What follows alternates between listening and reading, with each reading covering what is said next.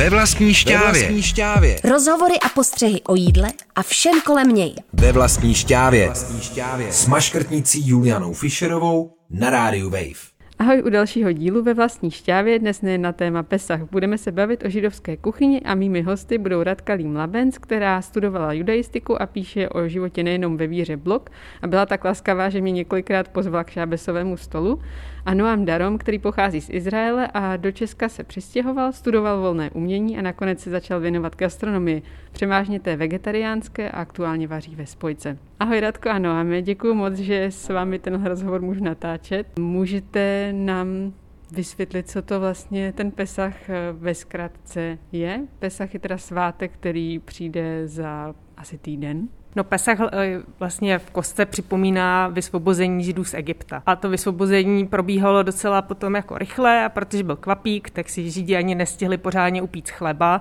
takže nenakynul jim ten chleba a vlastně proto na připomínku toho se celý Pesach jí macesy a nejí se vlastně žádné jídlo, které je kvašené, což do toho postupně během tradice prostě napadala i rejže a těstoviny a fazole a spoustu dalších věcí. Cokoliv, co má mouku. Nebo by mohlo být zaměněno za mouku. Nebo prostě, co by mohlo být něco úplně vedle, ale někomu se to nelíbilo, takže prostě radši nějaká jistota než eh, peklo. Takže jakákoliv obilnina je zapovězená, luštěniny nejsou povolené? Luštěniny není povolená, protože se dá rozemlít na tu mouku. Ale macesy z pšeničné mouky povolené jsou. No, ale u nich je hodně speciální postup, jak se dělají. Že vlastně fakt máš na sekundy vypočítaný, jak dlouho ten maces může být v troubě a je to jenom uh, mouka a voda a nejde si to dělat doma, musíš si to fakt koupit, protože to je pod přísným dohledem rabínů připravovaná potravina, protože pesech se bere docela vážně. No, já třeba jako, tak já jsem, nejsem žádný ortodox, ale uh, dá se dělat macesu domů, ale jak říká Radka, uh, správně je to zaměřený na sekundy. V posledních letech jako spíš pro zábavu stojíme se stoperem a důležitý je ten čas uh, ne tak v toubě, ale ten čas od začátek míchání suroviny do vteřinek, když se otevřeme tu troubu a tam házíme tu macesu. Všechno se míchá strašně rychle, potom se to plácne a dává se to do touby a nesmí to být víc než 6 minut, takže plácám možná 7. Jasně, protože ten chleba by se teoreticky mohl jakoby rozkynout, nebo začal by tam vlastně ten kvasný proces v těstě a už by to náhodou mohlo být i trošku kypřejší. Přesně tak, no.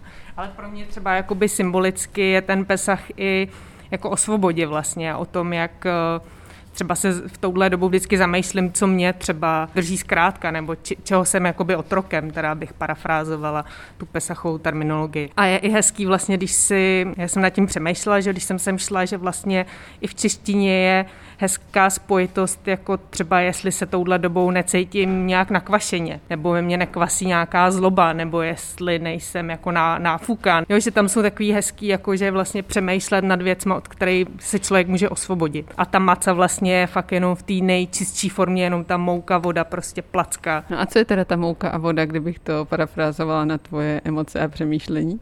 No to je vlastně asi jakoby základ, no, jakoby ta nejčistší forma prostě jenom. Kromě macesů ten, a kromě teda toho, že se máš nějak tak jako očistit, vzdát eh, toho nečistého, tak eh, jak se ten svátek slaví, nebo jak dál vypadá to prožívání kolem jídla? Ono to zní jako hrozně takový jako skurpulentní svátek, kdy nic nemůžeš, ale vlastně je to trošku naopak vlastně. Je to Pesach začíná sederem, což je slavnostní večeře při které si čte Hagada, což vlastně znamená v překladu vyprávění. Takže my si jakoby naší povinností je si vyprávět ten příběh výjití z Egypta a je tam spoustu jako písniček, spoustu příběhů, je to opravdu o tom, aby se předala ta tradice dál dětem, že, jsou, že se i mluví o dětech, je to fakt jako veselý a musí se vypít čtyři poháry vína. Po mně jako Pesach je spíš z jeden nejzajímavějších svátků. Má to strašně moc uh, malých jakoby, významů. I příběh bohatý, jakoby akční relativně i pro děti. Jak tam příběh unos, utěk z otroctví, deset rán, je tam krev a žáby a mor a, a, a spoustu tyhle těch, jako prostě vizuálně je to opravdu silný svátek, který může zajímat dětem anebo i normálně je to materiál na spoustu filmů. Z hlediska jídla to taky má spoustu nějakých eh, pokrmů nebo pochutí, které se nesmí chybět na uh, sederový talíř, který každý z nich má nějaký význam, který se o tom se musí bavit, zeptat se, proč máme tohle na, na talíř, odpovídat uh, dětem, toto máme, protože tak a tak a musí se opravdu bavit o každých z těch věcí a třeba vzít tu zeleninu a ponořit ji do slanou vodu a, nebo vejce, taky do slanou vodu, takže... Tý slaný vodě, ona v tom je vlastně spoustu symboliky, na kterou ty děti si můžou šáhnout, že ta slaná voda symbolizuje slzy Izraelitů v Egyptě. Moře. Nebo moře, které jo. se rozestoupilo. Jo. Pak je tam hořká zelenina, protože prostě to otroctví bylo hořký, jo, že fakt je to takový hodně návodný, že to není jenom takový, proč jíme dneska vajíčko, ale že opravdu to má hluboký významy. No, má to všechno jako opravdu význam a je zajímavý, že každý rok slyším o jiných interpretacích a dá se na těch věcí jakoby přemýšlet, popovídat a přijít z různých uh, odpovědi a to je vlastně, myslím si, že hluboký cíl uh, tenhle jakoby rodinný stík, který se hovoří taky o čtyři druhy lidí. Jeden, který je neptá se otázky, je uh, naivní, druhý je zlej, třetí je, nechci říct, jakoby, no, možná pasivní, nebo prostě neumí se ptát a, a čtvrtý je ten chytrý. A vlastně hrozně doporučený, jako se tam ptát otázky. Takže je to taková extrémně vědomá večeře. Přesně tak, no. Povídali jsme si o tom, že vlastně začíná to velkou sederovou večeří, při které je mnoho chodu a každý z nich má svůj význam a každoročně se význam každého toho chodu musí hezky zopakovat, aby si všichni byli vědomí toho, co jí. Tak eh, kromě zmiňovaných hořkých bylin a to jsme to ještě vlastně Slané zmínili. Vody. No, Slaný vody. Chody. On je vlastně na tom uprostřed toho stolu je sedarový talíř a tam jsou ty symbolické pochutiny a, nebo ingredience a jak přesně říkal Noam, tak během té večeře ty o každý z nich si máš jako popovídat a máš těm dětem vysvětlit, proč tam jsou a oni ideálně třeba se i zeptají, protože normálně kus křenu nebo kost na stole jako ne, nemývají lidi běžně. A co tam teda všechno musí být za ty ingredience? A je nějaká volnost v tom, že můžou být třeba i, i už zpracovaný do nějakého jídla, nebo ne? Ne, ne, ne, je to vyloženě jenom jako symbolicky položený na tom talíři. Maca jsme říkali, pak je uh, hořký salát, um, je křen, tyhle ty dva jsou o tom, jaký to bylo těžký a hořký, nesnesitelný být uh, otrok. Potom je tam... Ta kost, ta připomíná vlastně kost. tu pesachovou oběť. To je tam a... jenom symbolicky, ta se nejí, ta se naopak nesmí jíst. Nebo my jsme třeba měli opravdu nožičku od kůře nebo od uh, jehničí kolinko. I s tím masem některý lidi to jako tam dávají, ale důležitý říct uh, taky, že je to o tom, že Bůh vzal jeho lidí silnou rukou i vysvobodil. Takže to je taky symbol sílu Boha. A je tam potom charoset, to je sladká směs eh, datlovou pastu, ořechy, někteří lidi do toho přidávají jabko, kokos stouhaný a to je, symbolizuje dvě věci, jedna z nich je... Malta, když vlastně otroci stavěli v Egyptě, tak to je vlastně ta Malta. A pak je to taky ta sladká tečka, která jako je svoboda. No poslední době vlastně se i rozšiřují ty tradice a některý lidi si dávají třeba ještě jako pomeranč, nebo my třeba jsme začali dávat uh, fair trade, uh, zrnka kávy, že vlastně jako je dobrý si uvědomit, že i v dnešní době jsou otroci. A třeba to těm dětem říct. Aha, to je zajímavý. To děláme třeba my, no. No ale zatím, když to tak poslouchám, tak jsme hlavně pořád u těch symbolických chodů, nechodů. jsme neříkali vejce. Vejce. Vejce, počtem jíme vejce teda.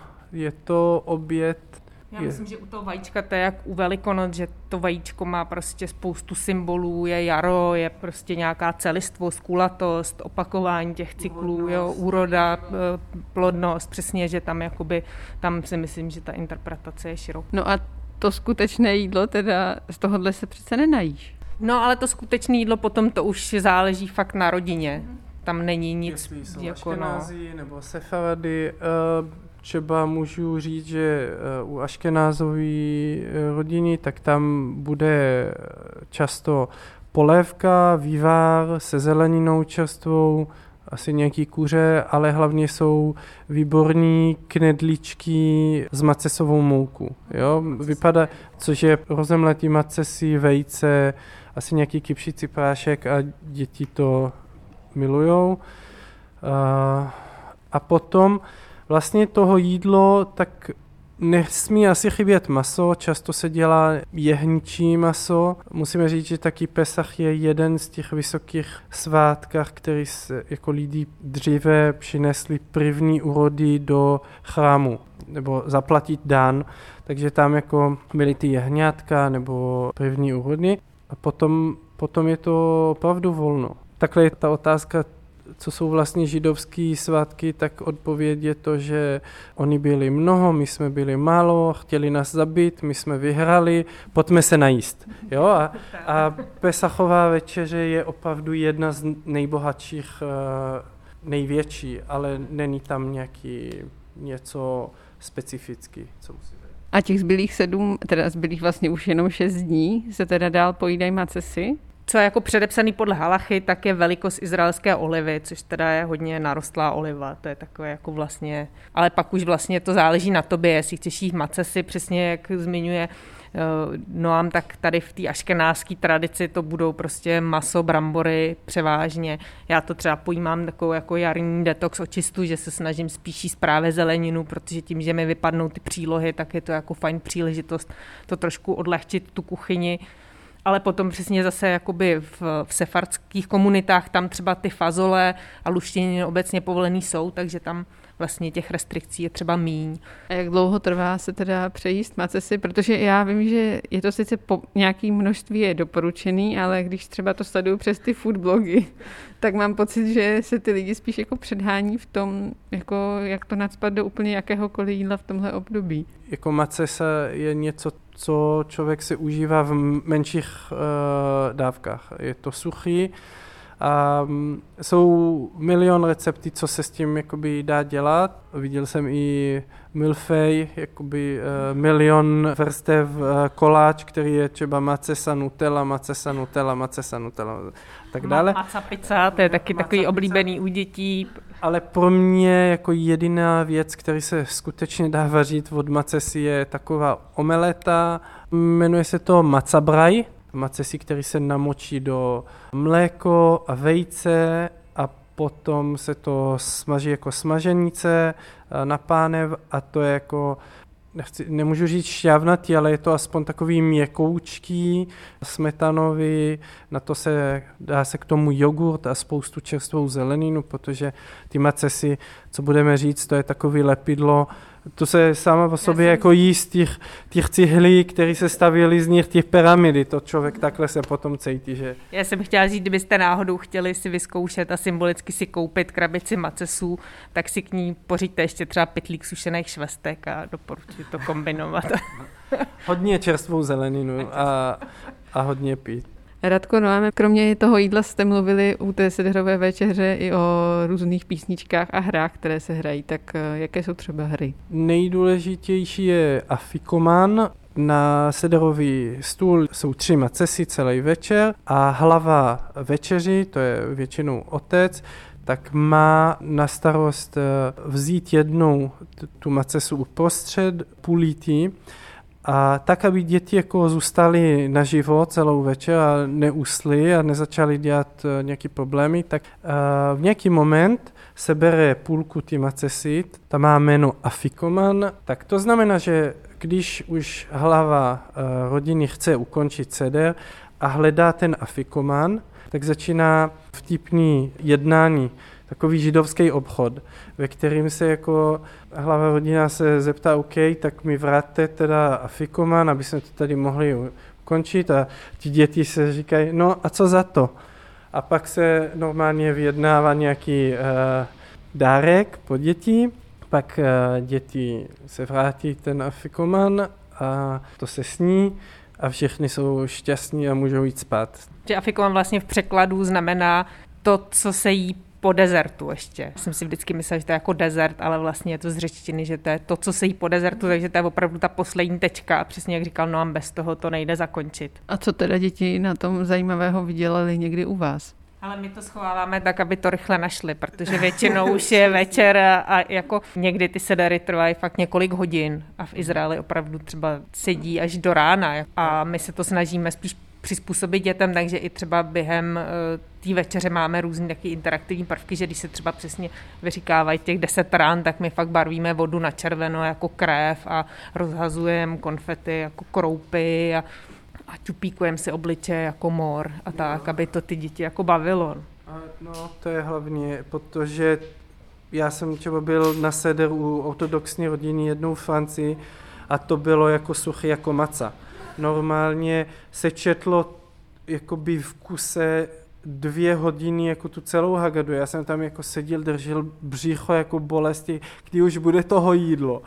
Nejhorší bylo, že už mi jako, už bylo čas na poslední metro a ještě nebyla ta večeře. A tak jsem jako vstál a musel jsem rozloučit a oni se na mě koukali a dali mi tu jednou domácí macesu a to byla moje sederová večeři. A já jsem říkal jako, ještě, že nejsem tak ortodoxní, ale zvyk je třeba darovat nový oblečení, jarní nebo letní, Dříve se dalo nějaký ořechy, my třeba zveme všichni děti na, na zmrzlinu, nebo jim dáme nějakou stolní hru e, novou. A a pak jdeme jakoby zpívat. My jsme tady mluvili eh, o hodně o macesech, o zpívání, o hrách v průběhu sederové večeře, ale vlastně jsme neprobrali nějaké ty základní zásady, co to je vlastně košer. Když člověk začne vyhledávat eh, nějaká fakta o svátku Pesach a jeho slavení, tak právě narazí, já jsem teda narazila na mnohostránkovou příručku o tom, jak košerovat domácnost před příchodem těchto svátků. No, já jsem třeba zažila v rodinách, kde se opravdu Pesach dodržuje, že měli Pesachovou kuchyň. Že opravdu měli zvlášť jako dvě kuchyně, ta jedna celý rok spala někde a vždycky na Pesach se otevřela, ta druhá se zavřela, protože to si tehdy fungovala v nějaké ortodoxní vlastně komunitě, ne? Nebylo to ani v ortodoxní, jako v konzervativních komunitách, třeba v Americe to tak je, protože je to jednodušší, protože přesně jak jsi zmínila, ta, ta skromná brožura, kterou si tady vytiskla, má mnoho stran a ještě tam přesně, jak jsi říkala, narazíš na, to je příliš složitá otázka, takže to ani v tomto skromném průvodci nebudeme zmiňovat, že fakt je to hrozně složitý. Vlastně ta základní věc je, že tvoje jídlo se během Pesachu nesmí dotknout chamce, nesmí se dotknout ničeho, co je kvašené. To znamená, že musíš fakt vymíst domácnost od jakýchkoliv drobků. Když jsem pracoval v ortodoxním hotelu tady v Praze, tak uklid kuchyn byla něco, přišla armáda lidáci košeru a vezme jakýkoliv, veškeré kusy nádoby se vezme a ponoří do vařoucí vody aby tam nebyl žádný dobek. Sítko, jemné sítko se třeba prošlo ohně, aby se spálilo toho chamec. Toho chamec, tyhle ty drobky se bere a spálí se většina venku v nějakým kontejner, to je taky zvyk, ale tady v kuchyni se brali každý talíř, každá nádoba na vaření a, a udělají tomu eh, purifikace, nebo je důležité jako říct, že tady mluvíme o košer na Pesach, košer parve, košer eh, na maso a na mléko jsou úplně jiný, jiné věci. Myslím si, že na, na dnešní, jako když bavíme o Pesach, tak to... Na Pesach je to prostě všechno ještě víc eh, košer než běžně. A teda v tom běžném e, životě tak je zakázané vlastně vepřové maso a ještě někteří kopitníci, teď si nepamatuju, kteří, Ono to je jako otázka košer, to je fakt jako na další asi tři díly, to je hrozně složitý. Většinou, Určitě někdy ale tak ve zkratce. No, většinou to pochází z Bible, ty přikázání a e, třeba z vodní živočichů se jí jenom ty, který mají žábry a šupiny, to znamená, že se nesmí jíst krevety, nesmí se jíst škeble, nesmí se jíst ale třeba ani třeba takový ty ryby, co prostě nemají šupiny. Z masa se nejí vepřový a uh, jí se zvířata, který mají rozdělený kopyta a přežvikujou. Takže to je ten zvyk. U toho se třeba říká, že to vepřový je extra jako triky, protože oni mají vlastně rozdělený ty, ty nožičky, ale nepřežvikujou, a, takže ty jsou Ale třeba se nesmí ani kombinovat maso mlíko, protože to je zase z biblického verše, nebudeš vařiti kůzle v mléce matky jeho, takže to je takový Prostě fakt to je složitá věc. Jako složitá, zajímavá věc a není standardizovaná jakoby jednou splatou pravdu. Tak děkuji moc za rozhovor. Taky díky. Taky děkujem. V dnešním díle ve vlastní šťávě jsem mluvila s Radkou Límlabenc a Noemem Darovem a mluvili jsme o Pesachu, o židovství a taky o tom, co to je košer. Celý díl si můžete stáhnout taky v aplikaci Můj rozhlas.cz a já se na vás těším zase v příštím díle ve vlastní šťávě s Julianou Fischerovou. Ve vlastní šťávě. To jsou rozhovory a postřehy o jídle a všem kolem něj. Ve vlastní šťávě. Ve vlastní šťávě. Přihlas se k odběru podcastu na wave.cz lomeno podcasty a poslouchej šťávu kdykoliv a kdekoliv. U plotny i ve špajzu.